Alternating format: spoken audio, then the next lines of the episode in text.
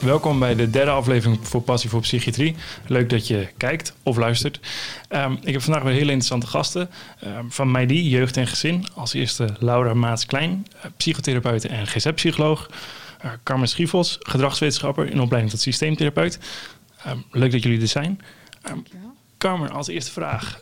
voor wie zijn jullie er? Wie bieden jullie zorg? Wie helpen jullie? Nou, wij bieden zorg aan, uh, aan ja, vooral gezinnen. Uh, ik ben zelf verbonden aan het ouder- en kindhuis van MyD. En uh, ja, wat wij daar doen zijn ouderschapstaxaties. Dus uh, wij helpen vooral de kwetsbare gezinnen. Ehm, waar echt wel een veiligheidsaspect aan de orde is. Dus waar echt de veiligheid van het kind veelal in het geding is. die helpen wij om ja, de kwetsbaarheid een beetje op te lossen. Dus vooral te in, ja, in te zetten op het stukje um, ja, opvoedvaardigheden van de ouder en um, ja, dat te verbeteren. Dus daar, daar ligt voornamelijk uh, nou ja, ons werkgebied. Ja, dat jullie jonge gezinnen opnemen om te zorgen dat. Nou, of te observeren over hoe het gaat en ja. tegelijkertijd ook om die mensen te helpen om ja. een betere situatie te creëren. Ja, klopt. En Laura, wat is dan het moment dat die mensen bij jullie opgenomen worden? Zeg ik dat goed, opgenomen? De opnames die verlopen uh, via Carmen. Uh, misschien kun jij daar denk ik nog beter nog wat over vertellen wanneer mensen echt bij ons... Uh, ja, de, wanneer ze bij ons komen, dat is echt wel. Um, nou, we hebben altijd te maken met een verwijzer. Dus dat kan een, uh, een gemeente zijn of een uh, gecertificeerde instelling. Of soms een huisarts, maar dat komt het minst voor. Um, nou, en een verwijzer die maakt zich zorgen over een gezin. Of die zegt van, hé, hey, ik heb onvoldoende zicht uh, in die thuissituatie. Of ik maak me zorgen over de veiligheid van, uh, van een kind. Of over de ontwikkeling van een kind. Die, nou, die wordt bedreigd.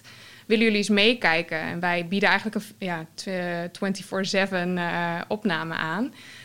Um, waarin we dat gewoon goed in kaart brengen. Dus we, het is echt vooral wanneer er of geen zicht is... of hele grote zorgen... Uh, bijvoorbeeld ouders die nou, emotioneel niet beschikbaar zijn of uh, nou, die, die, ja, waar, echt waar de opvoedvaardigheden, uh, ja, waar het aan ontbreekt aan die opvoedvaardigheden. Kun je daar eens een, een voorbeeld van geven? Wat situaties zijn, wat, vanaf wanneer het belangrijk is dat jullie erbij betrokken worden of dat jullie mensen opnemen? Ja, dat is wel, een, dat is wel grappig. Want hè, wanneer zou het van belang zijn? Het zou eigenlijk al in een meer preventief stadium van belang zijn dat wij betrokken raken. Maar we zien vaak dat het te laat. Nou, te laat wil ik niet zeggen, maar we zien vaak dat het al wel in een later stadium is dat ze bij ons aanmelden. Dus wat je eigenlijk ziet is dat er al grote zorgen zijn. Um, en de voogd zoiets heeft van, nou, ik vertrouw het eigenlijk niet meer uh, in de thuissituatie. Dan vaak komen ze bij ons. Um, nou, een voorbeeld is bijvoorbeeld uh, uh, nou, gezin, jong, jonge ouders in verwachting. moeder die, die bevalt in het ziekenhuis. En in het ziekenhuis zien ze al dat in de basisverzorging uh, nou ja, de zorgen zijn. Dat het uh, verschonen niet soepel verloopt of uh, nou, het geven van het flesje, het nekje wordt niet goed ondersteund. En dat daar echt al hele grote zorgen zitten. Nou, dan wordt vaak wel de gemeente die, die zegt dan van... oeh, ik vind het niet veilig dat ze nu naar huis gaan. En als je het dan hebt over, over zorgen... want ik ben sinds 18 maanden vader. Uh, ik heb het ook allemaal maar moeten leren met, uh, met een eerste luier... en hoe je dat allemaal ja. precies doet. En, um, maar ik kan me voorstellen, dan maak je je zorgen dat mensen het ook niet gaan leren of moeilijk ja. leren. Ja, daar ligt hij vooral in. De leerbaarheid van de ouder. Hoe snel pik je iets op? Want dat je het niet weet als ouder, hè, beginnend ouder, dat is vrij normaal natuurlijk. Je moet alles wel ontdekken. Maar dat het echt wel uh, moeizaam verloopt. Dus dat je een aantal keer voordoet en een ouder blijft het elke keer uh, nou ja, anders doen of niet goed nadoen. Um, of dat er echt wel veiligheidsaspecten aan zit. Bijvoorbeeld dat het kindje in bad wordt gedaan en dat het badwater echt veel te heet is, bijvoorbeeld. Dat ze dat zelf niet goed aanvoelen. Of dat ze een flesje klaarmaken en dat het, de temperatuur van de fles echt te heet is. Dus dat er ook wel in die zin de veiligheid van het kind een beetje in het geding raakt. Dat zijn wel echt de situaties dat je denkt van... Hoe, nou, het is niet, uh, niet prettig om daar helemaal geen zicht meer op te hebben. Ja, precies. Ja. En, en, dat is vanuit, het ziekenhuis al, dat ze dat ja. in het ziekenhuis zien. Uh, en de latere situaties dan, als er... Uh, want ik neem aan, er worden ook wel gezinnen met wat oudere kinderen ja. opgenomen. Ja. Ik denk nog een aanvulling, hè, jij noemt ook de hele praktische dingen, maar daarnaast dus ook echt in de uh, emotionele beschikbaarheid van de ouders. Hè. Kunnen ze op hun kindje reageren, maken ze contact met hun kind. En dan ga je natuurlijk ook naar de um, um, ja, sociaal-emotionele ontwikkeling van de baby, of ze dat ook voldoende kunnen stimuleren. En dat is vaak eigenlijk, hè, want wat jij zegt nu, denk ik ook van, nou ja, dan zijn misschien heel veel ouders die daarvoor in aanmerking komen. Maar het zijn natuurlijk wel complexere. Ja. Uh, nou ja, situaties waar ze in zitten, waarin op meerdere vlakken uh, problemen zijn wanneer ze bij ons terechtkomen. En, meerdere vlakken, kun je daar uh, nog iets over vertellen wat die meerdere vlakken nou, als er bijvoorbeeld ook sprake is van problematiek bij de ouders, of uh, ouders met een lichtverstandelijke beperking, of die zelf uh, nou ja, uit moeizame gezinnen komen, waarin ze eigenlijk zelf ook niet bepaalde opvoedvaardigheden hebben geleerd, of um, ja, eigenlijk ook het emotioneel beschikbaar zijn, hè, al zo met zichzelf bezig, dat ze eigenlijk heel moeilijk oog kunnen hebben voor een kind, om dat allemaal tot ontwikkeling te kunnen brengen, dat echt die veilige hechting kan ontstaan. Um, ja, wanneer je dat eigenlijk ziet, hè, dat is ook wat jij net zegt van hey, soms zie je het ook echt al te laat, dat wanneer uh, kinderen op wat latere leeftijd bij ons binnenkomen, dat je ook echt al die verstoorde uh, ja, hechting ziet en uh, ja, daarin ook wel gedragsproblemen bij de kinderen ziet. Ja. Dus dan denk je van eigenlijk van oh, waren ze maar eerder geweest, dan hadden we in ieder geval kunnen proberen om te kijken of je dat meer had bij kunnen sturen. Ja, dus, dus een situatie is waar we net zeiden van nou, de, de Eén is de ziekenhuis, waar je ziet hoe het meteen al gaat in de verzorging van nee, kan niemand dit. Maar uh, het kunnen ook factoren zijn dus die later, uh, waar je, waarbij je die 4G-GZ bij komen. Maar als mensen zelf ook psychisch problemen hebben, zie ik dat goed? Ja, die hebben wij ook. Uh, ja, veel, eigenlijk is er veel ook wel. Um, niet altijd per se dat ouders daar al uh, voor behandeld zijn of uh, voor behandeld worden, maar wel dat die problematiek meespeelt in hun ja, opvoedvaardigheden. Ja, ja precies. Ja. En het gemeenschappelijke daarvan is dus eigenlijk altijd dat het voor het kind geen goede situatie is als er niks gedaan wordt. Dat ze bij jullie worden opgenomen. En worden opgenomen. Hoe, ik ben afgelopen dinsdag bij jullie geweest. Jullie hebben een heel mooi gebouw met allemaal verschillende studio's. Um, hoe ziet het eruit als mensen bij jullie opgenomen worden? Hoe ziet zo'n programma eruit? Uh, ik stel me zo voor, ik word, ik word erheen verwezen, ik pak mijn spullen. Um, ten eerste hebben die mensen daar hoe kijken die er tegenaan? Uh, zijn ze gemotiveerd om bij jullie te komen of niet? En hoe gaat het dan verder? Kun je daar iets over vertellen? Nou, het stukje, kijk, wat je veelal ziet bij ons is wel een drang- en dwangkader. Hè? Dus het is of je gaat in het ouder- en kindhuis van MyD, of um, de kinderen kunnen niet bij jullie blijven, of hè, het is een, niet goed genoeg. Uh, dus ergens zijn ouders altijd wel gemotiveerd om uh, het te proberen bij ons. Dus dat zie je wel. Dus er is altijd wel een bereidwilligheid van ouders om te laten zien uh, dat ze het wel kunnen. Hè? Dat is eigenlijk altijd, ze willen het heel graag bewijzen van we kunnen het wel, ik wil het wel laten zien. Dus we zien vaak wel uh, samenwerking. Nou ja, uh, voorafgaand is natuurlijk altijd de intake waarin wij met ouders bespreken van hoe het er bij ons uitziet. Um, we hebben een dagschema, we, werken, we starten de dag met, met dagdoelen, waarin een ouder voor zichzelf ja, bedenkt, waar, nou ja, niet zelf bedenkt, maar in overleg met de begeleiding en met ons vaststelt waaraan ze gaan werken. En um, ja, we hebben vaste momenten op een dag. Dus we hebben een, een blok. Daar kan Laura straks al wat meer over uh, vertellen. Die heeft dat echt geïmplementeerd. En uh, in de middag een gezamenlijk moment. Uh, in de avond hebben we de evaluatie van de doelen. en tussendoor hebben ze individuele begeleidingsmomenten. Ja. En wat ik daar dan ook nog wel nieuwsgierig naar ben. Dus ik kan me ook wel voorstellen als het dan hè, met het dwang en drang uh, gedachte. Dat als mensen komen en zoiets hebben van nou, ik ga mezelf bewijzen, want ik kan wel voor mijn kind zorgen en ik wil dat het kind bij me blijft. Iets wat jullie natuurlijk ook graag willen. Maar ik kan me ook wel voorstellen dat het wel een geforceerde gedachte kan zijn. Dus dat mensen daarvoor wel gaan compenseren. Um, hoe gaan jullie, zien jullie dat, klopt dat en hoe gaan jullie daarmee om? Ja, dat zie je. Ik vind een beetje de eerste drie weken, dan kan het soms nog zijn hè, dat mensen echt hun best doen. Maar soms voel je ook wel die weerstand. Dat is ook logisch, want eigenlijk willen die ouders het liefst niet bij ons zijn. En dan moet je eigenlijk ook werken aan het vertrouwen en aan de samenwerking. En dat je het echt samen wilt gaan doen. En dat je uh, een gemeenschappelijke doel is uh, om ouder en kind samen te houden. En ik denk als de ouders dat ook wel duidelijk is, dan ja, loopt dat uiteindelijk eigenlijk altijd wel, uh, wel goed daarin.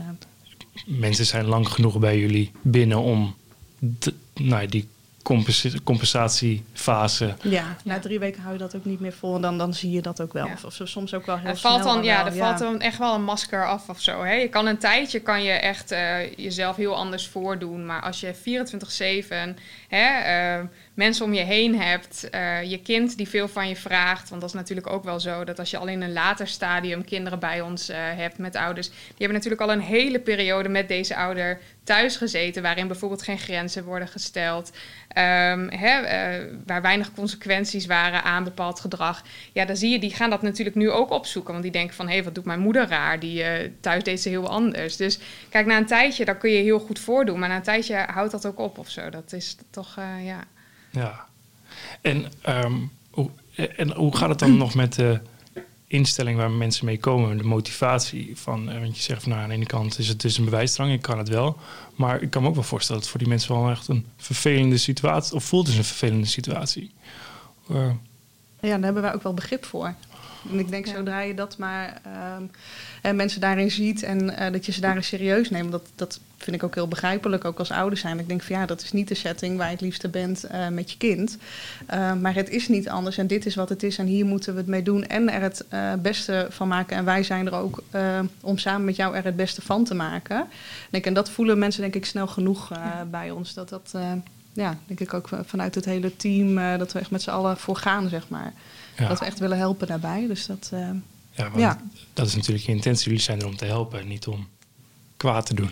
Nee. Ja. Dus, maar dat is wel iets wat mensen even gezien moeten hebben, denk ik. Of... Ja, gevoeld hebben, denk ik vooral. Dat is denk ja. ik best wel, dat dat ja, gaat eigenlijk best snel, vind ik. Uh, en is er ook iets wat jullie daar iets speciaals in doen? Of is dat iets wat natuurlijk ontstaat?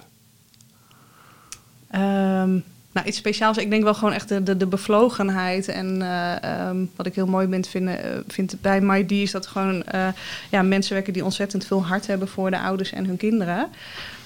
die dat met ziel en zaligheid doen. Dus ik denk, ja, dat, dat is niet. Ja, dat zit gewoon heel erg, ja, vind ja. ik in, binnen MyD. zowel ambulant als in het oude kindhuis. ja. En de luisteraars en de kijkeraars die zien dat een, nou, je hebt natuurlijk niet gezien en gehoord wat ik dinsdag heb gezien toen ik bij jullie langs was. Maar ik, ik voelde dat inderdaad ook wel die, die warmte die jullie ervoor hebben. En ook vooral via Dianne, de oprichter van mij, die uh, over haar eigen privé of persoonlijke verhaal, hoe het ontstaan is. Nou ja, dat het echt wel de intrinsieke motivatie is om deze mensen te helpen. Um, en dan is wel een leuke vraag voor jou, Carmen. Hoe ben jij hier in deze. Hoe, hoe ben je hier terechtgekomen? In dat je denkt van ik wil met deze doelgroep werken. Dit is wat ik leuk vind. Ja, dat is eigenlijk wel een heel grappig verhaal, want uh, Diane en ik kennen elkaar al uh, vanuit mijn werkverleden als uh, gezinsvoogd. Ik heb ook bij de William Schikker Stichting gewerkt, dus dat is een gecertificeerde instelling waar we nu dus veel weer mee te maken krijgen. Daarin kreeg ik mijn eerste casus, dat was een, een spoeduithuisplaatsing van een babytje. En die ouders, dat waren Dianne's eerste cliënten, zeg maar, die zij nou ja, begeleiden. Um, nou, toen ik vanuit de William Schikker Stichting de overstap maakte naar de jeugdgevangenis, toen uh, bleef ik wel contact onderhouden met Dianne. En die zei van, nou, vind je het toch niet leuk om bij MyD te komen werken? Toen zei ik, nou, vind ik wel hartstikke leuk, maar dit is ook iets wat ik echt heel erg leuk vind. Dus toen heb ik de overstap gemaakt naar de jeugdgevangenis. En um, toen ging de jeugdgevangenis sluiten. En uh, nou, toen kreeg ik weer contact met Dianne. En Dianne zei, ja, we zoeken nu ook echt wel fulltime en uh, gedragswetenschap. We hebben een ouder- en kindhuis gestart. En uh, nou, het is ook natuurlijk de doelgroep die ik wel echt heel erg leuk vind. waar ik al eerder mee gewerkt heb. En nou, het zijn we in gesprek gegaan. En zo ben ik eigenlijk weer teruggekomen bij, bij MyD. En nu werk ik voor de organisatie. En, wat maakt die doelgroep nou zo interessant voor jou? Waarom werk je graag met deze mensen? Ja, de... de kwetsbaarheid vind ik vooral gewoon heel, uh, heel mooi om mee te werken. Dit zijn echt gezinnen die het zo hard nodig hebben. En vooral wat je ziet is dat zij het zelf nooit echt, nou dat niet echt gekregen hebben. Ja, het is wel lullig om te zeggen, maar het is wel zo dat, dat deze um, moeders hè, of ouders uh, werken veelal met één ouder en uh, vaders die komen soms ook wel in het traject, maar die komen zelf ook uit een gezin waar zij nooit echt hebben kunnen leren hoe het wel moet. En ja, dat vind ik zelf heel mooi, dat wij uh, die functie kunnen vervullen, dat wij het hun wel kunnen leren hè, en hun mee kunnen nemen. En eigenlijk een beetje die parallel, die lagen, dat wij weer de ouder meenemen en dat de ouder een kind weer mee kan nemen. Dat je dat gewoon uh, ja, kan bewerkstelligen, dat vind ik wel heel mooi. Ja, mooi is dat. En als je het dan hebt ook over van wat mensen zelf niet hebben geleerd van hun ouders. Uh, wat, zijn daar, wat, wat kun je daarbij voor voorbeelden bij geven? Wat zijn dat voor ja. dingen? Ja, dat gaat vrij ver wel. Ik denk dat het zijn echt... Uh, ja, verwaarlozende gezinssituaties. Waarin echt in de basisverzorging al dingen ontbraken. Maar ook wel echt uh, um, veel uh, verbale agressie in de thuissituatie. Ouders die veel ruzie maakten. Dat kinderen meegekregen hebben. En niet praten over gevoelens. Um, waardoor zij zelf ook echt geen idee hebben hoe ze woorden geven aan emoties. En dat ook weer met hun kind in interactie kunnen vormgeven. Dat lukt ze gewoon niet. Um, nou, ook wel echt uh, mishandelende situaties. Uh, echt wel vaak sprake van seksueel misbruik in het verleden in, uh, in de gezinnen geweest. En ja, echt wel, wel veel trauma bij ouders, die, wat we nu zien. Ja. ja. En dat is denk ik een goede vraag voor jou, Lara. Want als ouders dan bijvoorbeeld zo'n trauma hebben, um, wat heeft dat voor gevolgen voor de relatie die ze hebben met hun kind of in het gezin? Hoe kan dat belemmeren?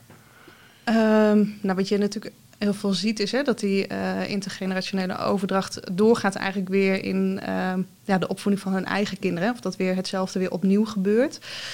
Um, maar ook dat het ze kwetsbaar maakt. Hè, dingen die ze zelf niet kunnen of niet zelf geleerd hebben, die kunnen ze ook heel moeilijk weer uh, aan hun kinderen leren. Of hè, wanneer er ook echt sprake is van een uh, posttraumatische stressstoornis, het echt beschikbaar zijn voor je kind. Hè. Als ouders veel uh, last hebben van herbelevingen dan kunnen ze ook weer moeilijker beschikbaar zijn uh, voor hun kind. Hè? Voor een baby, uh, ja, als die bijvoorbeeld aandacht vraagt of uh, het lachen of contact maken. Ja, een ouder die heel veel herbeleving is, heel veel angstig is, daarbij somber is. ja, dat zie je ook heel erg de weerslag hebben op zijn kind. Wat we dan bijvoorbeeld zien is dat baby's of nog niet lachen of heel laat beginnen met lachen. Dat we ouders daar echt ja, toe stimuleren om dat contact aan te gaan. Ja, wat, dus wat je nou eigenlijk zegt is dat die mensen dan niet de emotie herkennen op dat moment van hun eigen kinderen. Nee. En daar dus niet op inspelen. Nee, en dus ook niet, niet benoemen. Nee, en dat maakt ook, uh, hè, als ik nu bijvoorbeeld terugkijk, ik kom uh, uit de uh, volwassenenpsychiatrie. Ehm, daarin ben ik vooral gespecialiseerd in trauma- en persoonlijkheidsproblematiek. Um, en voor mij ook wel een beetje een drive om nou, daar heel veel ervaring in opgedaan. Ik denk van, hey, hoe kun je dit nou ook eigenlijk voorkomen dat mensen uiteindelijk in zo'n GGZ-instelling komen, waar heel veel leed is geweest. Hebben wij vorig jaar natuurlijk ook gesprekken gemaakt bij mijn overstap vanuit volwassenen psychiatrie, waar je mij heel fijn geholpen hebt met de vraag van, hey, waar wil je nou eigenlijk naartoe? Ik dacht van, ah, daarbij ook, nou, natuurlijk met de ouderen en kinderen, ja, vind ik fantastisch om mee te werken. En ook in die hechting. Um, dus om ook te kijken van, hey, om zeg maar, het is niet zo één op één, hè, om ervoor te zorgen dat persoonlijkheidsproblematiek, um, ja, het leren mentaliseren niet doorgaat van generatie op generatie. Om ouders dat nu wel te leren. Gewoon al heel bazaal ook. Hè, je vroeg net ook van hey, wat voor een blok uh, of hè, wat voor een inhoud doen jullie ook. Hè, om bijvoorbeeld echt ouders al heel bazaal um, de verschillende emoties aan te leren en ook bij zichzelf te leren herkennen. Dat ze bijvoorbeeld zeggen, ja, ik voel wel van alles, maar uh, ja, is het nou bang, uh, boos, blij of bedroefd? Dat ze dat soms niet eens weten. En ik vind, ja, als je dat dan, dan kun je ook heldjes van je kinderen of gedrag, ja, hoe benoem je dat dan? En dan wordt dat ook vaak verkeerd gelabeld. Ja, en dan is het natuurlijk alweer een begin uh, van de start dat een, zo'n jonge baby dat ook niet gaat leren. Dat dat mogelijk ook weer een risico is voor problemen op latere leeftijd. Ja. Dus dat, uh, ja. Dat is, wel, uh, is, een schone taak, vind ik dat. ja, ja, en dat vind ik meteen wel, wel leuk om dan die hoek nu op te gaan. Want ehm, je vertelde, je hebt heel veel ervaring opgedaan bij GGZ Friesland in de volwassen psychiatrie, persoonlijkheidsproblematiek, veel gewerkt met trauma. Um, en nu werk je bij, met MyD met jonge gezinnen, uh, ook met kinderen. Wat was de reden om hiervoor te kiezen? Wat maakte dat je dacht, want je noemde net al van, ik wil meer aan het begin staan. Is het dan dat je het idee hebt dat je hier meer werk kan doen dat je, dan dat je bij de volwassenen kan doen? Omdat deze mensen nog aan het begin, of vooral bij de kinderen, dat die nog voor hun hele leven staan? Um, Nee, niet dat ik meer kan doen. Want ik denk dat um, zeg maar bij volwassenen uh, um, traumabehandeling vind ik ook heel mooi en heel dankbaar uh, werk. Want je kunt er gewoon hele goede resultaten mee uh, bereiken. Maar voor mij was het ook wat ik denk van, hey, dat, daarin nou, heb ik heel veel ervaring gehad en denk op, zich, oh, ja, op een gegeven moment op zoek naar een nieuwe uitdaging. Um, dat, dat was het enerzijds, maar anderzijds ook dat ik denk van, hey, um, hoe kan ik er ook ergens aan bijdragen dat kunt voorkomen? De gemiddelde leeftijd dat volwassenen uh, met PTSS in behandeling komen is ongeveer 34.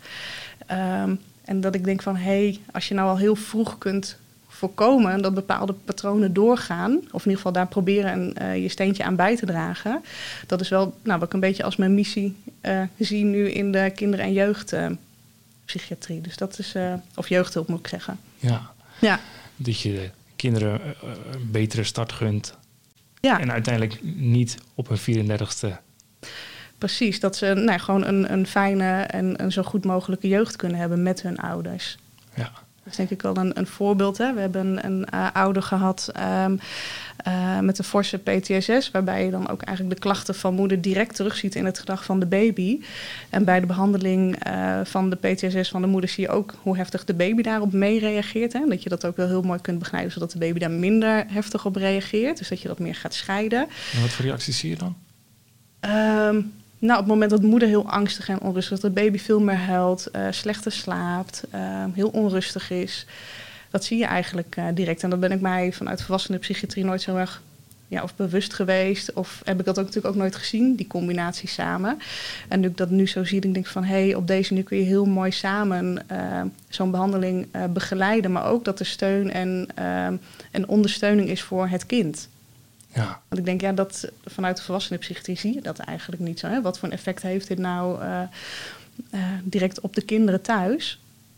En hebben de ouders daar zelf ook, zijn ze zich er bewust van?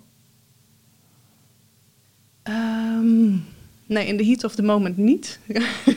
Want dan zijn ze nog zo eigenlijk overspoeld en overweldigd door hun eigen ervaring. En zitten ze ook nog zo met hun uh, ja, hoofd bij uh, de traumatische gebeurtenissen. Dat ze dan echt ook gewoon echt te weinig oog hebben uh, voor hun kind. Um, hè, wat dan ook maakt dat ja, daarbij de ontwikkeling van het kind in gedrang komt.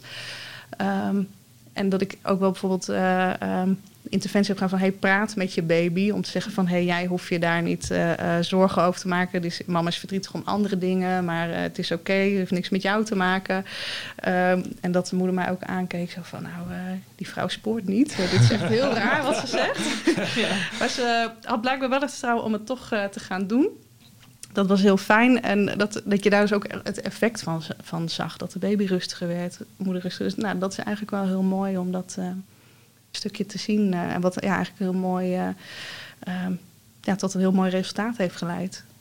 En hoe... Voor ouder en kind om tot dat goed genoeg ouderschap te komen. Ja. ja. Mooi om te horen. En, en hoe werkt dan, dat dan? Want er, wat ik dan denk, dat is dat um, zij dan dus rustigere signalen uitstraalt en dat, dat die non-verbale communicatie dat dat gevoeld wordt door zo'n baby. Uh, klopt dat?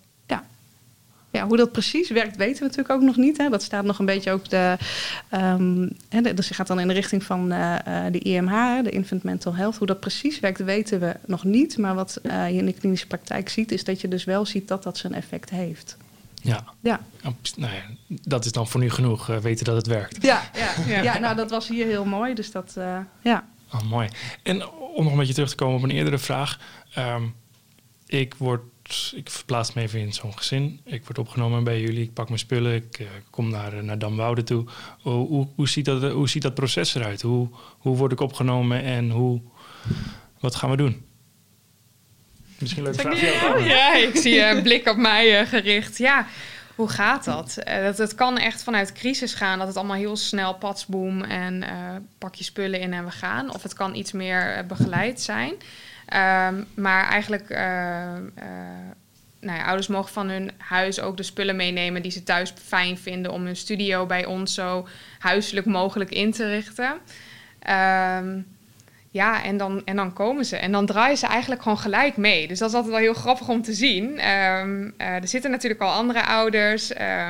Die ouders zijn ook wel gewend aan het in- en uitstromen. Dus het is eigenlijk een heel mooi proces. Daar hoeven wij zelf eigenlijk niet heel veel in te doen. Hè? Dus de, degenen die in dienst zijn, die uh, leiden de ouders altijd even rond. Uh, dit is het washok, uh, hier is de woonkamer. Je hebt een gedeeld kookrooster hè, op gezette tijden. Dat zijn even de standaard dingetjes. Maar wat je ziet is dat de andere ouders eigenlijk altijd wel gelijk zorg gaan dragen voor een nieuwe ouder. En oh, waar zit je en waar kom je vandaan? En um, nou, dat dat eigenlijk gelijk wel meegaat in een groep. En je ziet wel, natuurlijk verschilt het wel per gezin. Uh, hoe ze daarop reageren, of ze het spannend vinden. Hè, of ze gelijk veel in de gezamenlijke woonkamer zijn, of dat ze zich wat meer terugtrekken.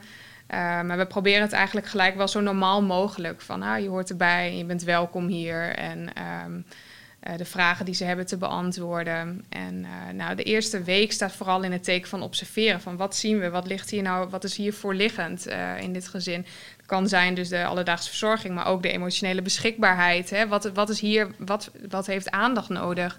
Dus de eerste week richten we vooral in om te kijken van... Hey, Um, wat heeft dit gezin nodig? Waar liggen de vragen? Maar waar zien wij ook bijvoorbeeld zorgen? Waar moet iets, waar moet iets aan veranderen? Um, nou, en daar richten we dan ook uiteindelijk de dagdoelen op in uh, met het gezin. Ja. In ieder geval echt leuk om te horen dat mensen dus echt goed opgevangen worden ja. door de andere bewoners. Ja. ik kan me voorstellen dat het ook voor een heleboel mensen een stuk makkelijker maakt. Ja, absoluut hoor. Het is heel veel spanning. En wat je eigenlijk heel erg ziet, is dat er gewoon heel veel wantrouwen is. Hè? Dit zijn ouders die vaak of zelf al met jeugdbescherming in aanraking zijn geweest vanuit hun, vanuit hun jeugd. Uh, of al een heel lang traject doorlopen. Dus er is heel veel angst en heel veel wantrouwen. En dus dan komen ze bij ons en eigenlijk hebben ze zoiets van... Oh, alles wat we doen is toch niet goed. En uh, jullie kijken met alles. En er staan hier camera's op mij gericht. Hè? Dat is het gevoel wat ze ja. hebben. Um, maar eigenlijk door te normaliseren en te zeggen van... joh, we zijn hier echt om jullie te helpen. En ook om straks te laten zien dat jullie samen met je kindje wel naar huis kunnen. Dat is ons doel. Dan zakt die spanning ook wel snel. En uh, nou ja, als andere ouders dan een positief verhaal vertellen van... nou, ze doen echt, het werkt echt hoor, wat hier gebeurt. Of hè, dat krijg je dan ook wel. Dat is ook heel mooi om te zien. Dan zakt die spanning ook. En dan, oké... en wat je altijd ook ziet is dat ze zeggen... ja, we hebben het even op Google opgezocht. En uh, de, de reviews, uh, ja, dat... Uh, ik zeg, nou ja, goed, hè. dat, dat is dan altijd wat in, de jeugd, in jeugdbescherming gebeurt natuurlijk. Ja, want ik zag, ik, ik, heb, het, ik heb het ook gezien. En, nou ja, dat zijn dan waarschijnlijk mensen waarbij u niet populaire maatregelen hebben genomen. En ja. nou, daar zit dan denk ik wat frustratie in. En dat... Nou, dat is het. Hè? En kijk, het is ook niet zo, wij, wij nemen die beslissing niet. Dat is ook altijd ouders die, dat, dat probeer ik altijd al vanaf de start heel goed uit te leggen. Wij maken die beslissing niet. Wat wij doen is, wij, wij observeren heel intensief. En wij kijken van, wat doe je goed? En waar liggen de zorgen?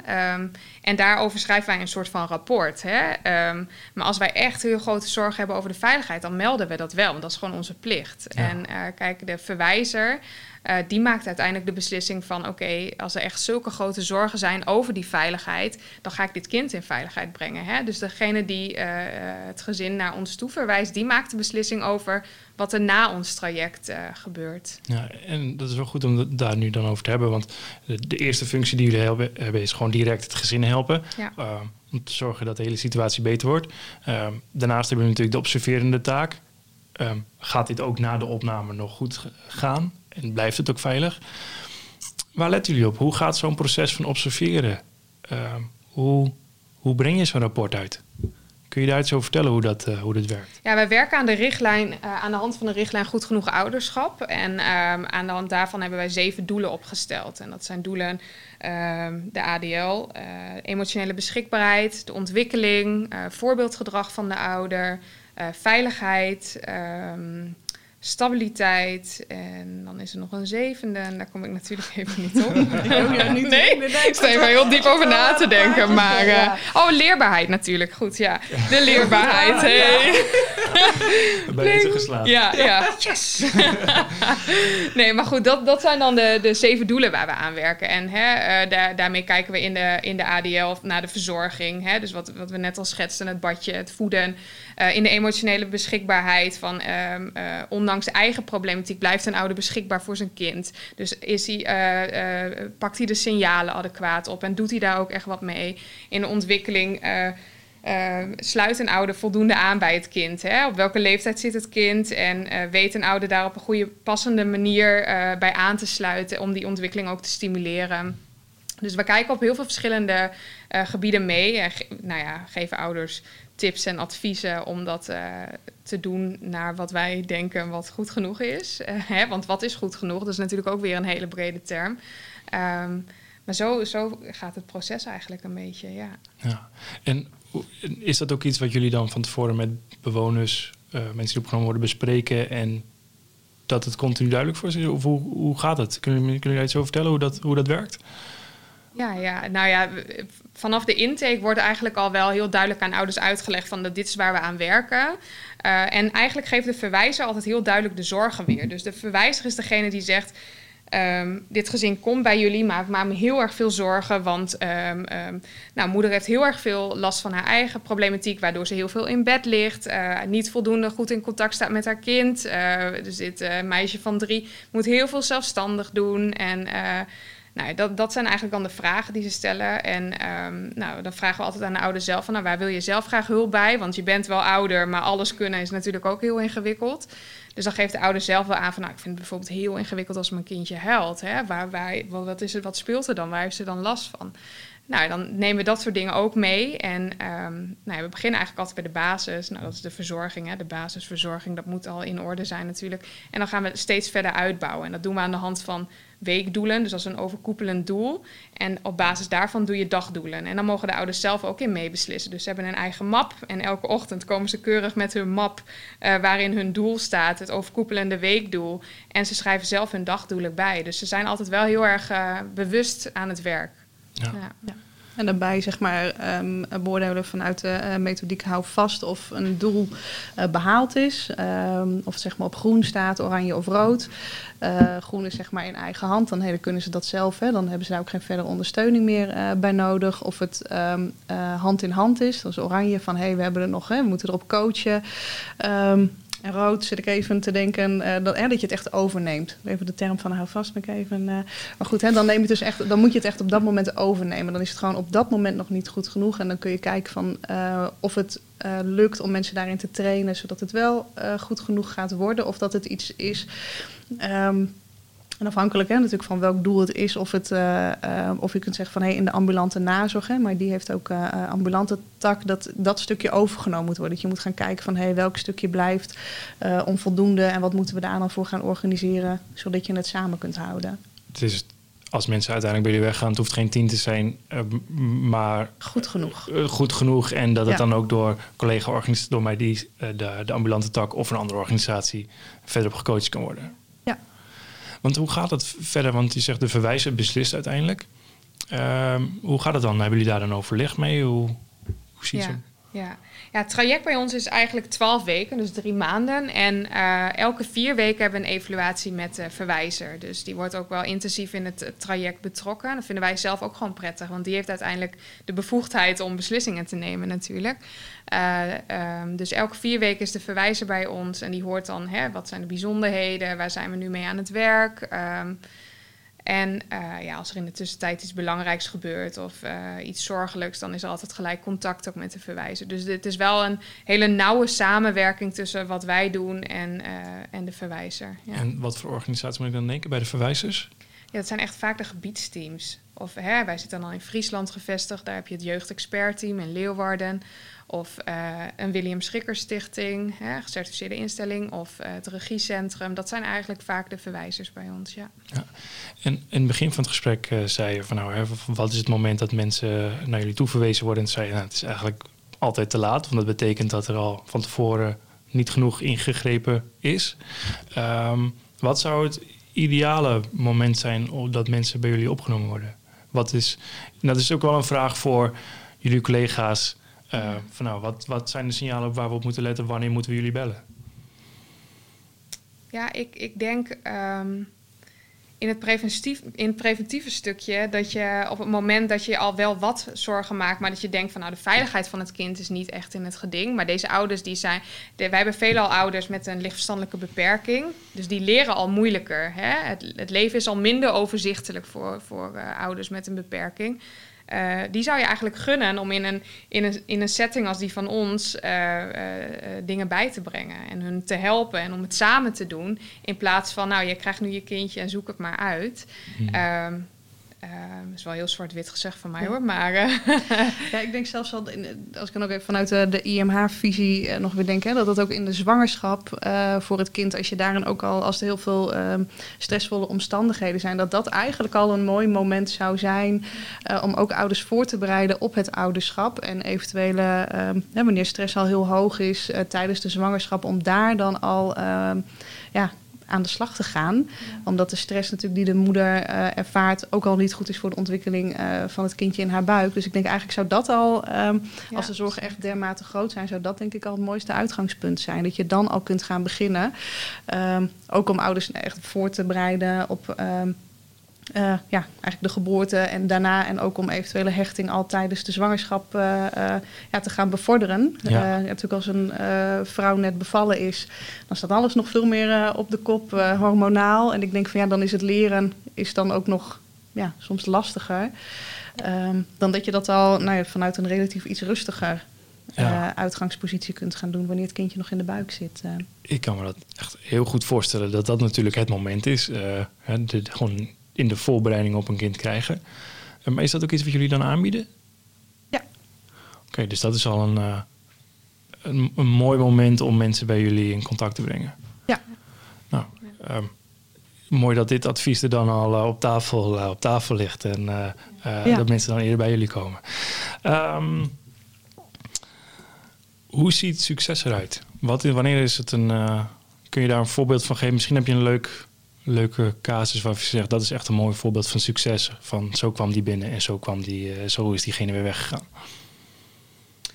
Ik stel ja, me open. ja. Gaan. Ja, ja, weet je, er zijn echt best wel veel. Ik heb best wel veel mooie herinneringen. Maar één eh, herinnering, dat weet ik nog wel heel goed. Dat was een, eh, een moeder, een Ghanese moeder. En ehm, eh, die zat op het AZC in Sneek. En die ehm, nou, raakte zwanger. En wij kregen een melding vanuit het ziekenhuis van nou, deze moeder eh, maakt ons echt ontzettend veel zorgen. Haar kindje is geboren, maar ze staat niet in contact. Ze zegt ook steeds eh, dat ze aan het overleven is. En eh, nou, we weten niet of dit wel goed komt. En ik weet nog dat ik samen met een collega naar het ziekenhuis ben gegaan om met die moeder ook. het was echt net bevallen dus. Dus dan zit je daar met een moeder in het ziekenhuis met zo'n hummeltje in, de- in de armen. En eh, nou, ze stond echt wel voor open om naar ons toe te gaan. En nou ja, in het begin was ze heel erg terughoudend en heel erg verdrietig. En ehm, nou ja, naarmate ze langer bij ons was, zag je gewoon echt dat ze wat, wat opleefde. Hè? En dat ze echt, eh, ze sprak Engels, dus we zaten altijd met haar. En dan we probeerden haar Nederlands te leren. En je zag gewoon dat zij als persoon ook wat opleefde. Wat dus ook heel mooi was weer. Dan krijg je dat stuk, als je zelf als moeder goed voelt, dan gaat het ook uiteindelijk eh, automatisch beter met je kindje. Dus dat contact, dat ontstond zo mooi. En ze was in haar eigen taal aan het zingen voor het kindje. En nou, je zag steeds gewoon een ontwikkeling. ehm, nou, waarin ze gewoon ehm, echt wel gewoon emotioneel beschikbaar was. Waar echt de verwachting was van nou, dit kan twee weken goed gaan. Dus zij is uiteindelijk na drie maanden ook met een positieve beoordeling. eh, dat wij echt na een tijdje zoiets hadden van, nou, wat, wat doet deze mevrouw hier nog? Hè? Want ze doet het zo ontzettend goed. Eh, is zij naar, naar, hui- naar teruggegaan naar het AZC. En eh, we kregen nog elke, elke maand en elke week, nou eigenlijk elke week wel, fotootjes van haar en, eh, en eh, de ontwikkeling van haar kindje. En nou, dat meisje dat doet het echt ontzettend goed. Dus dat zijn wel hele leuke dingetjes om, eh, om mee te maken, ja.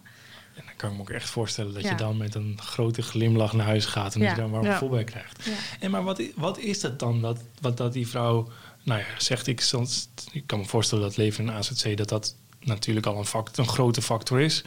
Uh, maar wat was het voor deze vrouw dat, dat ze bij jullie weer op gang kwam? Dat, Ja, dit kindje, dat is ook wel een heel, heel schrijnend verhaal. Dit kindje was, eh, is, is eh, ja, onvrijwillig verwekt. Eh, dus dit is, dus ze had heel veel walging eigenlijk, hè, van oh, er groeit iets in mij wat ik niet heb gewild. En ja. dat was in het voortraject natuurlijk al heel erg, dat was, dat was het idee wat ze erbij had. En eh, ze kwam bij ons en toen merkte ze dus dat ze toch wel haar, lief, haar kindje lief kon hebben. Hè? Dus dat, het, dat, dat, dat, ze, dat ontstond op een gegeven moment. En daar hebben wij gewoon heel erg eh, eh, met haar op gezeten van... kijk eens, wat, dit is ook jouw kindje. En, Ja. en eens- kijk eens naar het contact wat ze met jou maakt. Dus daardoor kwam ze meer open en, en wilde ze het zelf ook gewoon heel erg graag. En ik denk dat, is, dat, dat die, die knop die, is omgegaan op een gegeven moment, ja. En, nou, dit vind ik echt een fantastisch mooi verhaal. Maar het zet me ook dat ik denk dat jullie werk dat het twee kanten heeft als ik dat zo zie. Want aan de ene kant hoor je dus de gruwelijkheden die mensen hebben meegemaakt. En aan de andere kant zie je dus ook hoe, wat je voor ze kunt doen om weer een goed perspectief te bieden. de weerbaarheid die mensen daar ook in hebben. En de, de veerkracht en ook de drive voor hun kind, denk ik. Om eh, ja, Dat het ouderschap ook wel hele krachten in ze aanboort, ook voor hun eigen herstel. Daarin. Ja. ja. Want hoe is dat voor jullie als jullie zo iemand binnenkrijgen en die verhalen horen? Ik kan me voorstellen dat je persoonlijk ook kan raken. Ehm, en tegelijkertijd dat het dan zo super mooi is dat je die mensen kunt helpen. Ik kan er niet eens een vraag over bedenken, maar kun je nu vertellen hoe dat, hoe dat is? Nou, ik denk ook nog een aansluit bij je vorige vraag aan Carmen van hey, wanneer is het voor jou een succes? Het liefst hebben wij natuurlijk gewoon dat het uh, goed gaat. Hè? En daar word je natuurlijk als hulpverlener heel blij van wanneer ouders en kind goed bij elkaar uh, kunnen blijven. Um, van tevoren moet ik zeggen dat ik um, um, toen ik de overstap maakte naar de jeugdhulp, dat ik dacht van oh, hoe ga ik dat ervaren als kinderen uit huis geplaatst worden? Want dat is natuurlijk best heel heftig nou, hoe trek ik dat zelf ook als ouder zijnde? Dat ik denk uh, van, nou, als mens zijnde, van hey, hoe is dat uh, om daarmee te werken? Um, maar daarbij heeft eigenlijk mijn ervaring als uh, ja, traumatherapeut... Um, maar ja, maakt dat eigenlijk ook wel makkelijk. Ik denk, als je echt ziet dat het gewoon echt niet goed genoeg is... Um, dat het dan, en het, ik, het, is, het blijft heel verdrietig, dus het is in die zin geen succes... maar dat je wel voor zowel denk ik voor de ouder als het kind. Uh, hè, wanneer hun wegen zich dan uh, scheiden bij een uh, uit de huisplaatsing, dat je dan toch het beste in, onder deze omstandigheden voor het kind wenst. En dat het kind dan eigenlijk ook een kans heeft op een ander leven aan een andere start zonder nou ja, eigenlijk die traumatisering in die opvoedsituatie bij een ouder die ehm, ja, niet goed genoeg ouderschap ja, daar gewoon niet de vaardigheden voor beschikt. En, um, dat voelt dan niet als een succes, want dan ja, merk je ook in het team. Hè, dus voor iedereen is dat lastig, want ja, dat het liefst uh, had je natuurlijk gewild dat het anders zou gaan, maar dat dat toch ook wel. Um, het ja, voelt wel als een succes, want je brengt een kindje in veiligheid. Ja, hè? Ik bedoel, dat is het. Ja. Je, uiteindelijk, je wil het liefst een ouder en kind bij elkaar houden. Dat is ook echt het doel. En daar proberen wij ook echt aan, aan bij te dragen. Maar wanneer het echt niet kan, of wanneer een kindje echt in onveiligheid komt, uh, dan, dan gun je een kindje ook een, een andere plek. Dat is eigenlijk ook wat je bedoelt. Hè? Dat je dan zegt van nou, dan, dan gun je dit kind gewoon een liefdevol gezin die het wel opneemt, die wel die aandacht en uh, liefde voor dat kindje kan laten zien. Ja. ja. Dus eigenlijk is het dan, je, je komt uiteindelijk tot het beste perspectief voor dat Binnen kind. de mogelijkheden die er zijn. Ja, precies. Ja. Dus en, en dat geeft ook voldoening. En dat is een ander gevoel natuurlijk. Hè? Want ik denk van, uh, nou ja, maar goed, soms is het gewoon niet anders. En dan is dat wat het is. En dan uh, om daar dan weer een nieuwe kans voor te maken. Ja, te creëren. En wanneer horen ouders dat als het eventueel uh, als ze gescheiden worden van hun kind? Ja, horen ze dat dan pas na de, als, als ze weer thuis zijn? Of hoe gaat zoiets? Hoe, ik, ik heb drie ja, maanden. Dat is vrij heftig, ja. Ik heb bij drie maanden bij jullie gezeten en het is allemaal onvoldoende. De bolletjes staan allemaal brood. Um, hoe gaat zoiets? Ja, dat, dat horen ze al wel gedurende het traject. Want het is eigenlijk ook een beetje de, de, de normen en waarden die wij willen uitdragen. We hebben gewoon een open, eerlijke, transparante houding. Dus op het moment dat wij zorgen hebben, dan melden we dat. En dan gaan we daarover in gesprek. Hè? En dan gaan we gewoon kijken van wat kan je inzetten om onze zorgen te verminderen. Maar als het nou echt niet lukt, dan hebben we blijvend een gesprek. En dan geven we ook op een gegeven moment aan van... joh, we maken ons nu al zoveel zorgen. We gaan contact ook opnemen met, jou, uh, met jouw verwijzer. En als een verwijzer zegt van... joh, dit, dit zijn zorgen waar ik niet achter sta... of wat ik gewoon niet waarmee ik uh, vind dat de veiligheid van het kind in het geding is... ja, dan, dan uh, horen ouders wel van oké, okay, de, de kan zo niet langer doorgaan. Nee. Dat lijkt me echt een hele moeilijke, een moeilijk gesprek met mensen. Ja, dat is niet, Ook al dat wordt het opgebouwd. Nee, nee. En hoe doe je dat zo goed mogelijk? Ja, ja, dat, dat is, hoe doe je dat zo goed mogelijk? Ja, dat is bijna, dat is echt, dat is iets wat ontzettend lastig zijn. is. Ja, ja, echt heel, heel transparant, eerlijk. Wat zie je? Wat zie je ook? Wat is het effect van wat we zien op het kind? Hè? Wat gebeurt er nu met jouw kindje als jij zo afwezig bent? Of hè, um, um, um, dit is iets wat nu niet oké okay is en het lukt je nu niet. Maar als je nu aan jezelf gaat werken of je gaat in therapie, hè, ouders waarbij eigen problematiek heel voorliggend is, uh, ga, ga er dan voor vechten. Dat zijn wel altijd de boodschappen uh, die je ze nog mee wil geven. En ja. ja. je wilt naast ze staan. En soms zijn ze ontzettend boos. Dat, ook, dat, dat, dat, dat raakt je ook. Hè? Want dan, uh, jullie hebben het voor ons verpest, want jullie hebben opgeschreven dat we het niet goed genoeg doen. En uh, ja, dat is heel pijnlijk. Dat is echt wel. Dat zijn soms ook dingen die je wel mee. Dat neem ik in ieder geval soms wel eens mee naar huis. Dat ik denk van, oh, verschrikkelijk zeg. Ik kan me ook zo goed inbeelden als ouder dat je wie wil, geen ouder wil van zijn kind gescheiden worden. Dus natuurlijk is dat ontzettend, ontzettend ingewikkeld. Ja, ja. ja is, uh, nou ja voor, voor mij als buitenstander bijna niet eens een, een beeld bij, uh, nee. bij te krijgen. Ik denk dat het vooral ook heel lastig is, hè? want uh, werkt ook met, vanuit die hou vast methodiek, hè? groen, oranje, rood. En als dingen heel vaak op rood blijven staan, hè? dus in die zin is dat ook eigenlijk dagelijks krijgen ze die terugkoppeling van, hey, gaat het goed? hebben we nog ondersteuning? Waarom is het gewoon niet goed? Um, dus ergens hebben ze die terugkoppeling wel altijd. Maar als ouders dermate cognitief beperkt zijn, dat ze dan eigenlijk niet begrijpen dat dat tot die consequentie leidt. Of dat ze dus eigenlijk gewoon niet de beslissing niet snappen, maar eigenlijk ook niet. Ja, gewoon, hè, dat ze gewoon het niet begrijpen, dat maakt het, vind ik, als hulpverlener echt lastig. Dat je denkt van, dan zijn ouders eigenlijk zo machteloos. Ja. Um, en, dat, en dat echt vanuit hun onvermogen. Ja. En dat maakt, dat vind ik eigenlijk wel de meest schrijnende situatie. Dat ze, als ze het zelf gewoon echt niet kunnen begrijpen. En niet, hè, niet als ze het niet willen begrijpen. Of, uh, maar echt dat wanneer het op onvermogen zit. Um, en het stuk ook, ja. vooral dan wanneer ze zeggen: Ja, maar bij mij thuis ging het vroeger ook zo. Oh, nou, dat gaat me ook altijd zo aan het hart. Want dan denk ik: Jeetje, ja, je hebt het zelf ook helemaal niet meegekregen. Dus, en uh, uh, bij jou was het waarschijnlijk dus ook normaal dat je uh, scheldwoorden naar je hoofd kreeg. Of niet ja. een normaal bord eten kreeg ja. s'avonds. Ja. ja, en als ik dat hoor, dan zijn ze dus twee keer slachtoffer. Ja. ja. Nou, dat, nee, dat kan me voorstellen dat het dan pittig is om te zien. Um, om, maar wel interessant voor, ook voor je collega's om daar nou ja, zo te horen hoe dat is om in deze setting te werken. Um, en als je het dan hebt over setting, uh, Laura, je hebt, we hebben het er al even over gehad, maar je hebt uh, 15 jaar geloof bij GGZ Friesland gewerkt. Um, wat is voor jou een groot verschil tussen het werk wat je bij GGZ Friesland deed en hoe je nu bij MyD werkt? Groot verschil. Um, ik ga even nadenken. Het, het, is heel, sowieso heel anders. Uh, um, ja, aan de ene kant zit er zit heel veel overeenkomst in qua doelgroep. Alleen je hebt nu natuurlijk gewoon het, uh, het hele gezin. Het is veel meer systemisch werken. Dat is denk ik. Um, nou, voor mij als psycholoog zeg maar een, een uh, andere vorm. Want je behandelt kind met ouders, zeg maar. Zeker de, de hele kleine, zeg maar. Dus dat is een groot verschil. Um, ja, en in organisatie is het gewoon uh, anders. Vanuit volwassenenpsychiatrie um, ja, ben ik eigenlijk gewend dat je daarin, hè, zodra een, volwassene bij jou is, dan voel je daarin uh, de regie, zeg maar. Um, en bij de, bij de kinderen doe je het in opdracht van. Dus dat is voor mij een, dat is een andere vorm, zeg maar. Dus dat je een bepaalde uh, ja, vraagstelling krijgt van... hey, dit is jouw behandel vraag, zeg maar eigenlijk. En die bedien je. Dat is voor mij ook wel een verschil uh, daarin. Dat, dat in de volwassen psychiatrie dat veel meer vanuit de cliënt zelf de hulpvraag komt. Ja. ja. ja. En dit ook wel echt vanuit de verwijzer. Dus niet per definitie ook vanuit de ouder alleen, maar ook echt vanuit de verwijzende instantie. Uh. Van wat zij gezien hebben. En... Ja.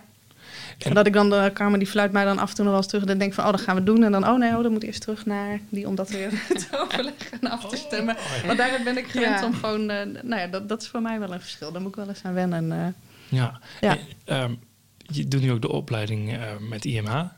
Als het goed is, ga ik die in september starten. ja, ja, ja, ja, ja, ja. Maar in ieder geval... Hoop mij, ik deze week te horen, ja. De, de reden waarom ik zeg is omdat je me wel verteld hebt dat je er veel mee bezig bent. En ja. je veel in het verdiepen bent. ja. En um, kun je wat... Zijn er... Nou, we het zo zeggen. Stel dat je je oud-collega's van de volwassen psychiatrie tegenkomt... en uh, het gaat over IMH. Wat is een van de inzichten die je afgelopen jaar hebt opgedaan, waarvan je denkt... Uh, nou, dat, dat is goed voor mijn collega's om dat ook te weten. Of iets waarvan je denkt, dat had ik eigenlijk eerder willen weten. Daar had ik wel wat mee kunnen doen. Um, ik denk dat mijn collega's van GGZ Fries dat mij sowieso altijd wel uh, herinneren. Denk ik dat ze dat zeggen van, oh ja, Laura is ook altijd wel met die kinderen bezig geweest. Van als er kinderen waren. Um, en als en ik hoe, nu nog... Hoe kwam het dan? Wat, wat deed jij dan meer dan dat je collega's deden als het gaat om kinderen? Nou, ik riep altijd van en hoe is het met kinderen? Dus dat is denk ik wel van en wat is, hoe gaat het met de kinderen? Moet daar uh, zorg voor komen? Uh, moet het uh, koppen bij betrokken worden? Of, dat, dat, vond ik altijd wel heel belangrijk. Um, maar wat ik nu denk ik. Um, ja, nu, wat ik nu eigenlijk wel heb gezien, zeg maar, de wisselwerking tussen. Um, uh, gewoon wat, wat de problematiek van de ouder op het kind doet. Dat ik denk van, oh, ik zie nu eigenlijk dat dat nog een veel grotere impact heeft dan dat ik dacht, zeg maar. Um, dus eigenlijk het belang van ook veel meer uh, ja, het systemisch werken, daar oog voor hebben, maar ook um, de volwassenen, denk ik vanuit de volwassenenpsychiatrie, ook meer verantwoordelijk maakt voor de impact van eh, zijn of haar klachten op het hele systeem. Dat zou ik denk ik uh, daarin nu anders hebben gedaan, zeg maar, of meer oog voor hebben nog. Dat is denk ik uh, wat ik nu heb geleerd. En in de. En andersom in de jeugdhulpverlening, dat ik denk van hé, hey, um, het oog hebben voor de problematiek voor de ouders en daar behandelingen. Nu zijn het echt. En natuurlijk zijn, zijn natuurlijk heel veel systeemtherapeuten.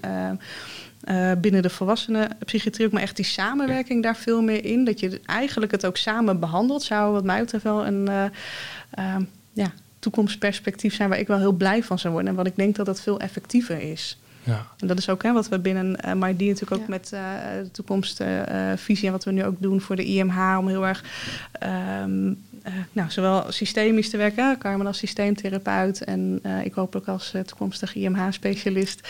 Um, ja, om, om dat gewoon samen te doen. Want het werkt zo op elkaar in, zeker bij die hele jonge kinderen. Die zijn zo verweven uh, en gekoppeld uh, aan hun ouders. Hè. Die reageren zo uh, op spanning. Dat ken je zelf ook wel. Als je zelf s'avonds weg wil en je kind moet gaan slapen... die voelt jouw spanning dat je weg wil en die gaat dan niet slapen. Dus, dan, nou, hè, dus dat zijn... En ik denk van, nou dat is als je dat al zelf kent en merkt. Ik denk van ja, laat staan wanneer de ouders echt forse problematiek heeft. Wat, voor, wat dat kind allemaal wel niet voelt en hoe die daarop reageert en dat maar moet handelen. Um, uh, en dan soms ook hè, met een ouder die daar niet toe in staat is om dat nou ja, goed te kunnen reguleren of daar oog voor te hebben als eigen problematiek zo verliggend is. Ja. ja. En, en, hoe zou je dat dan doen als je dan nu teruggaat in de behandelkamer in een volwassen psychiatrie? Um, wat is dan een manier om nou, meer oog te hebben voor dat systeem en meer oog te hebben voor um, het gevolg voor kinderen? Um, nou, ik denk ook, denk ik wel, om als regiebehandelaar ook denk ik gewoon eens bij die systeemgesprekken aan te sluiten. Dat je dat meer samen. Op, indicatie gebeurt natuurlijk wel, maar dat eigenlijk uh, ook standaard te doen om ook gewoon het gezin. Um, om ze allemaal gezien te hebben. Nu is dat vaak met uh, de systeemtherapeut. Um, en niet per definitie dat uh, de, de regiebehandelaar of uh, dat hij daar ook bij betrokken is. Ik denk dat zou ik dan nu wel anders doen. Ook van hé, hey, nou wat voor ja, dat je daar gewoon veel meer zicht op hebt uh, en de effecten daarvan. Ja. ja. Wat, ik me voorstel is natuurlijk in de GGZ dat volwassenen binnenkomen in een behandelkamer, dat er een uur behandeling is. Afhankelijk natuurlijk wel van wat, uh, wat voor zorgprogramma er is. Maar um, ja, je, je hebt in dat uurtje natuurlijk ook maar zoveel wat je kunt doen.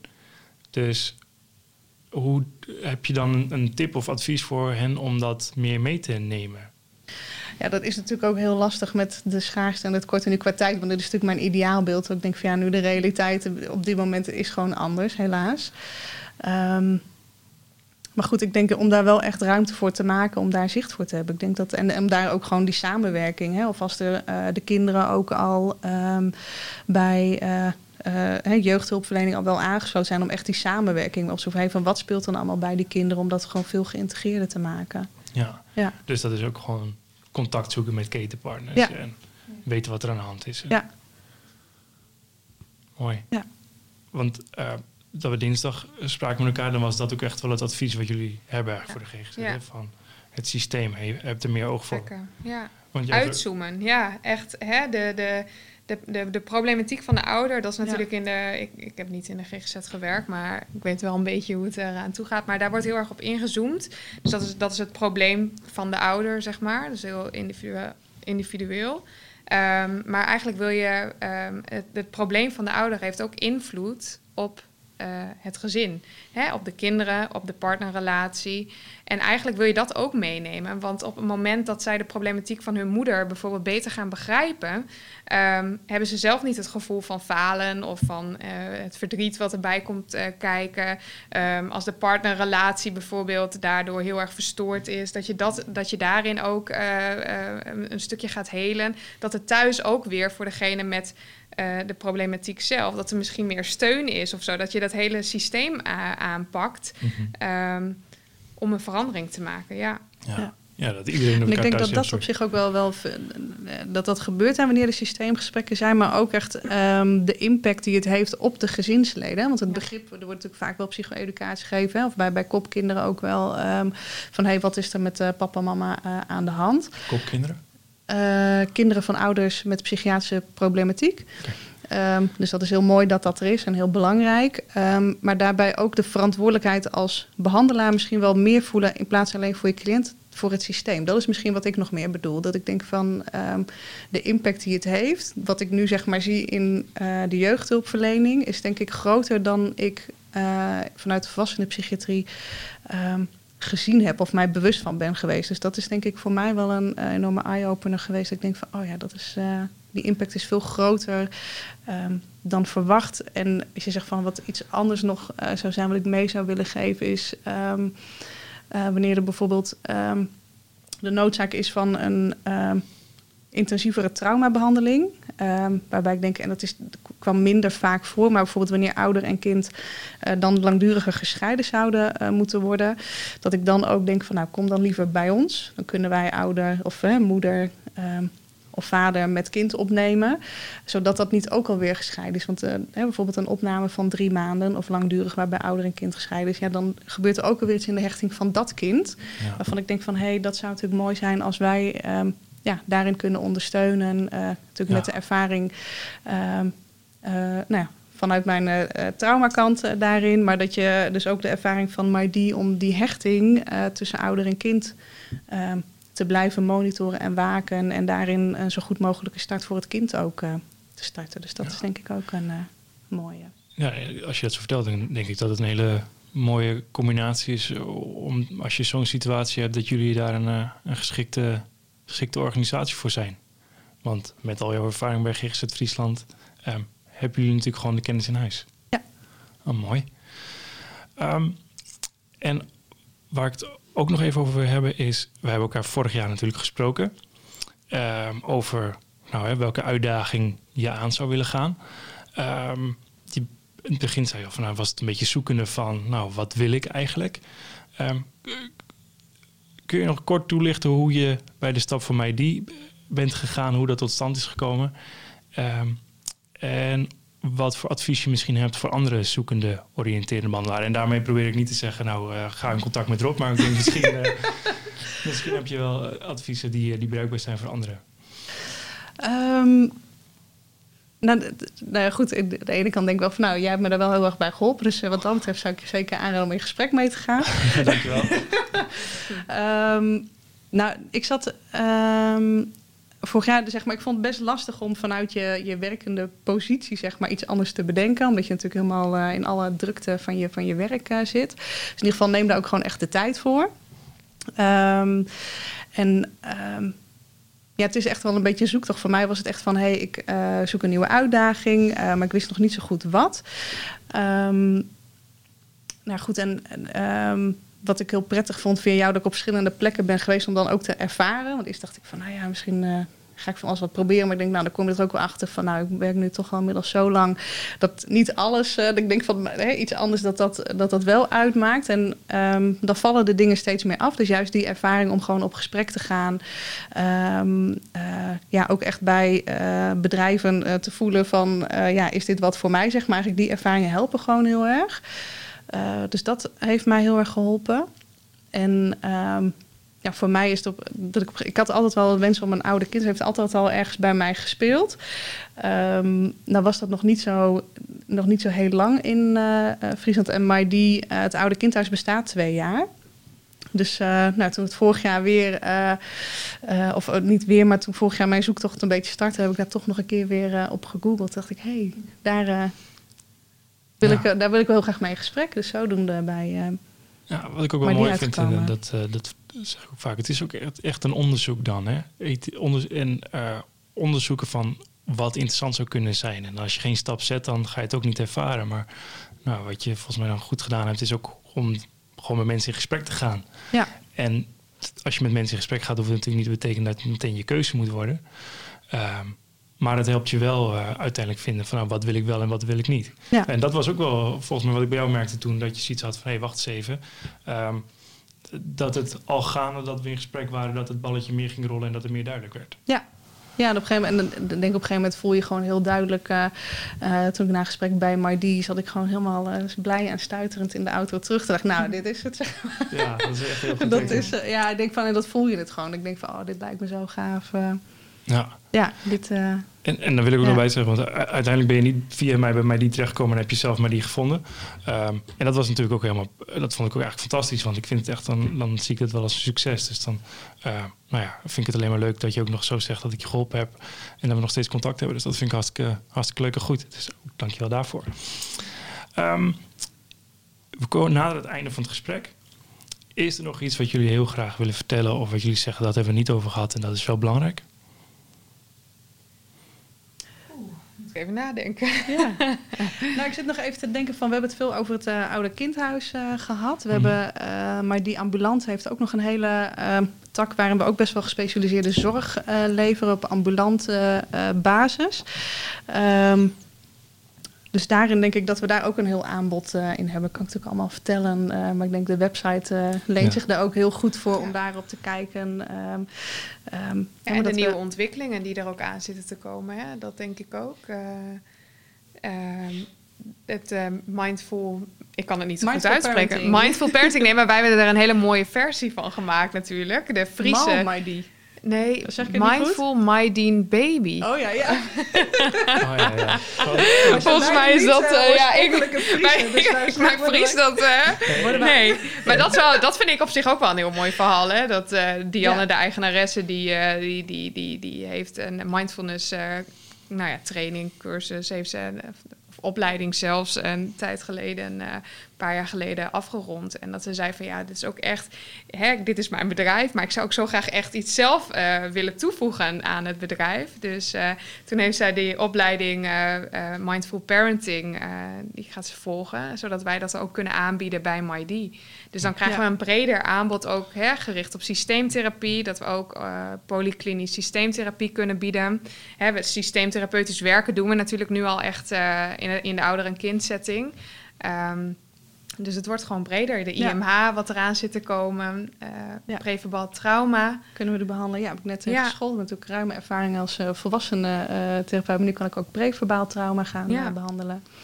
Dus dat is eigenlijk echt helemaal gespecialiseerd op de doelgroep IMH eigenlijk. Ja, Ja, ja. en dat zijn wel echt ontwikkelingen waar ik zelf merk dat ik denk van, ah yes, hè, echt nieuwe energie, eh, leuk. Ja. Mooi om Ja. dat aan te gaan. En het is ook heel erg mooi passend binnen MyD ouder en kind. eh, eh, ehm, ja, eigenlijk wel MyD breed.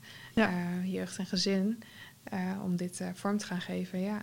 Ja, dus we hebben het inderdaad heel erg gehad over het ouder- en kindhuis. En Ja. over nou ja, mensen helpen, observeren om, om te kijken hoe het veilige situatie van het kind. Maar als ik dat zo hoorde, begint er mij, mij die ook wel wat meer ondersteunende andere diensten te komen. Die, die- in het proces er- passen. Ja, die zijn er al. Die, er is al voor een heel groot deel, maar eigenlijk het. ehm, eh, dat, dat je eigenlijk ook eigenlijk voor die doorstromende lijn wil zorgen. Dat eh, wanneer het ehm, ja, gelukkig eh, tot hopelijk hè, tot goed genoeg ouderschap is komen, dat de ouders weer samen weggaan, maar dat je die nazorg en eventuele verdere behandeling, dat we die ook gewoon kunnen gaan voortzetten. Dus dat hè, soms is er binnen twaalf weken natuurlijk niet alles in één keer klaar. Nee. Maar dat je die lijn kunt volgen en vastzetten. Je kent de mensen al, de mensen kennen ons, hebben het vertrouwen al. Um, dat merk je ook bij een mevrouw die ik ambulant behandel. Het vertrouwen was een, een, moeder die heel weinig vertrouwen had in de hulpverlening, slechte ervaringen ermee. Uh, die heeft nu een goede ervaring opgedaan, die heeft nu ook het vertrouwen, dus die durft zich nu ook open te stellen uh, voor behandeling. Nou, eigenlijk mooier kun je het dan niet hebben, denk ik. Nee, nee, ja. precies. Nee, nou, fijn als je dan inderdaad ook nog gewoon het vervolg kunt, uh, kunt bieden. Ja. Um, zo blijf je de hele weg mij die met hun, met jou. Ja, ja. voor ja, de ja, absoluut. Voor? Ja, ja, ja, met jou, ja. Ja, ja en ik zou, ik zou ook nog wel hè, willen aangeven van... we zitten nu best we zitten vrij Friesland georiënteerd. En dit is natuurlijk best wel een, een, een, een concept wat gewoon, waar veel vraag naar is. Hè? Waar je dus ook wel wachtlijsten, veel lange wachtlijsten hebt door het hele land heen. En um, ja, om gewoon breder te kijken. Dus eh, we staan er ook helemaal voor open om mensen uit de regio Utrecht, bij wijze van spreken, als ze daar weken, maanden moeten wachten op een plekje voor een ouder- en kindhuis, kom bij ons. Hè? Ja. En um, um, zodat het wel kan starten. Dat, dat, niet, dat, dat, dat het straks zo uit de hand loopt thuis dat het al te, laat, uh, is, te ja. laat is. En dat een ouder en kind van elkaar gescheiden moeten worden. Terwijl, ze bij, dat, terwijl wij nog een plekje over hadden waar we ze konden helpen. Dat is echt wel wat ik wel. Uh, Nee, dat Ja. is in ieder geval een, een goeie om te weten. En zeker Ja. met het scenario wat je schetst. Dat Ja. omdat er geen plek is bij voorbaat al Ja. kind en ouders Ja. gescheiden worden. En als dat bij jullie voorkomen kan worden. precies. Nou, het hoeft Ja. maar, als, het, als het één keer voorkomen is, dan is het al een heel groot succes, Absoluut. toch? Ja. Want Ja. jullie hebben plek. Ja, ja. Nou, ehm, met wie mogen ze contact opnemen? Mij. nee hoor, nee. Je kan gewoon naar de, naar de website van MyD Ja. gaan. Hè? En de website van MyD Ja. die geeft heel duidelijk aan... eh, ehm, het is een contactformulier die ze kunnen invullen. En eh, dan eh, neemt de plaatsingsfunctionaris eh, wel contact op. Ja, Nee, ik, het kan ik- vrij snel gaan. Ja. ik zal de gegevens ook bij eh, de podcast en op YouTube, eh, alles zal ik erbij Mhm. zetten.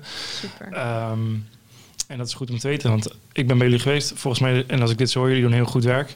Ehm, dus eh, bedankt daarvoor in ieder geval. Dus bedankt voor het interview en het goede werk wat jullie doen.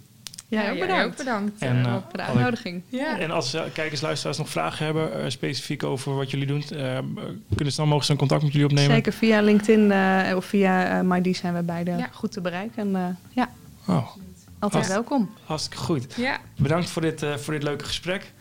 En eh, nou, wie weet een andere keer eh, weer voor een nieuwe aflevering. Ik heb nog wel wat vragen die ik niet gesteld heb. Maar, eh, Gaat een uurtje toch snel voorbij, hè? ja, ja, Ja. ja, precies. Ja. Eh, bedankt voor het kijken en bedankt voor het luisteren. En eh, tot de volgende keer.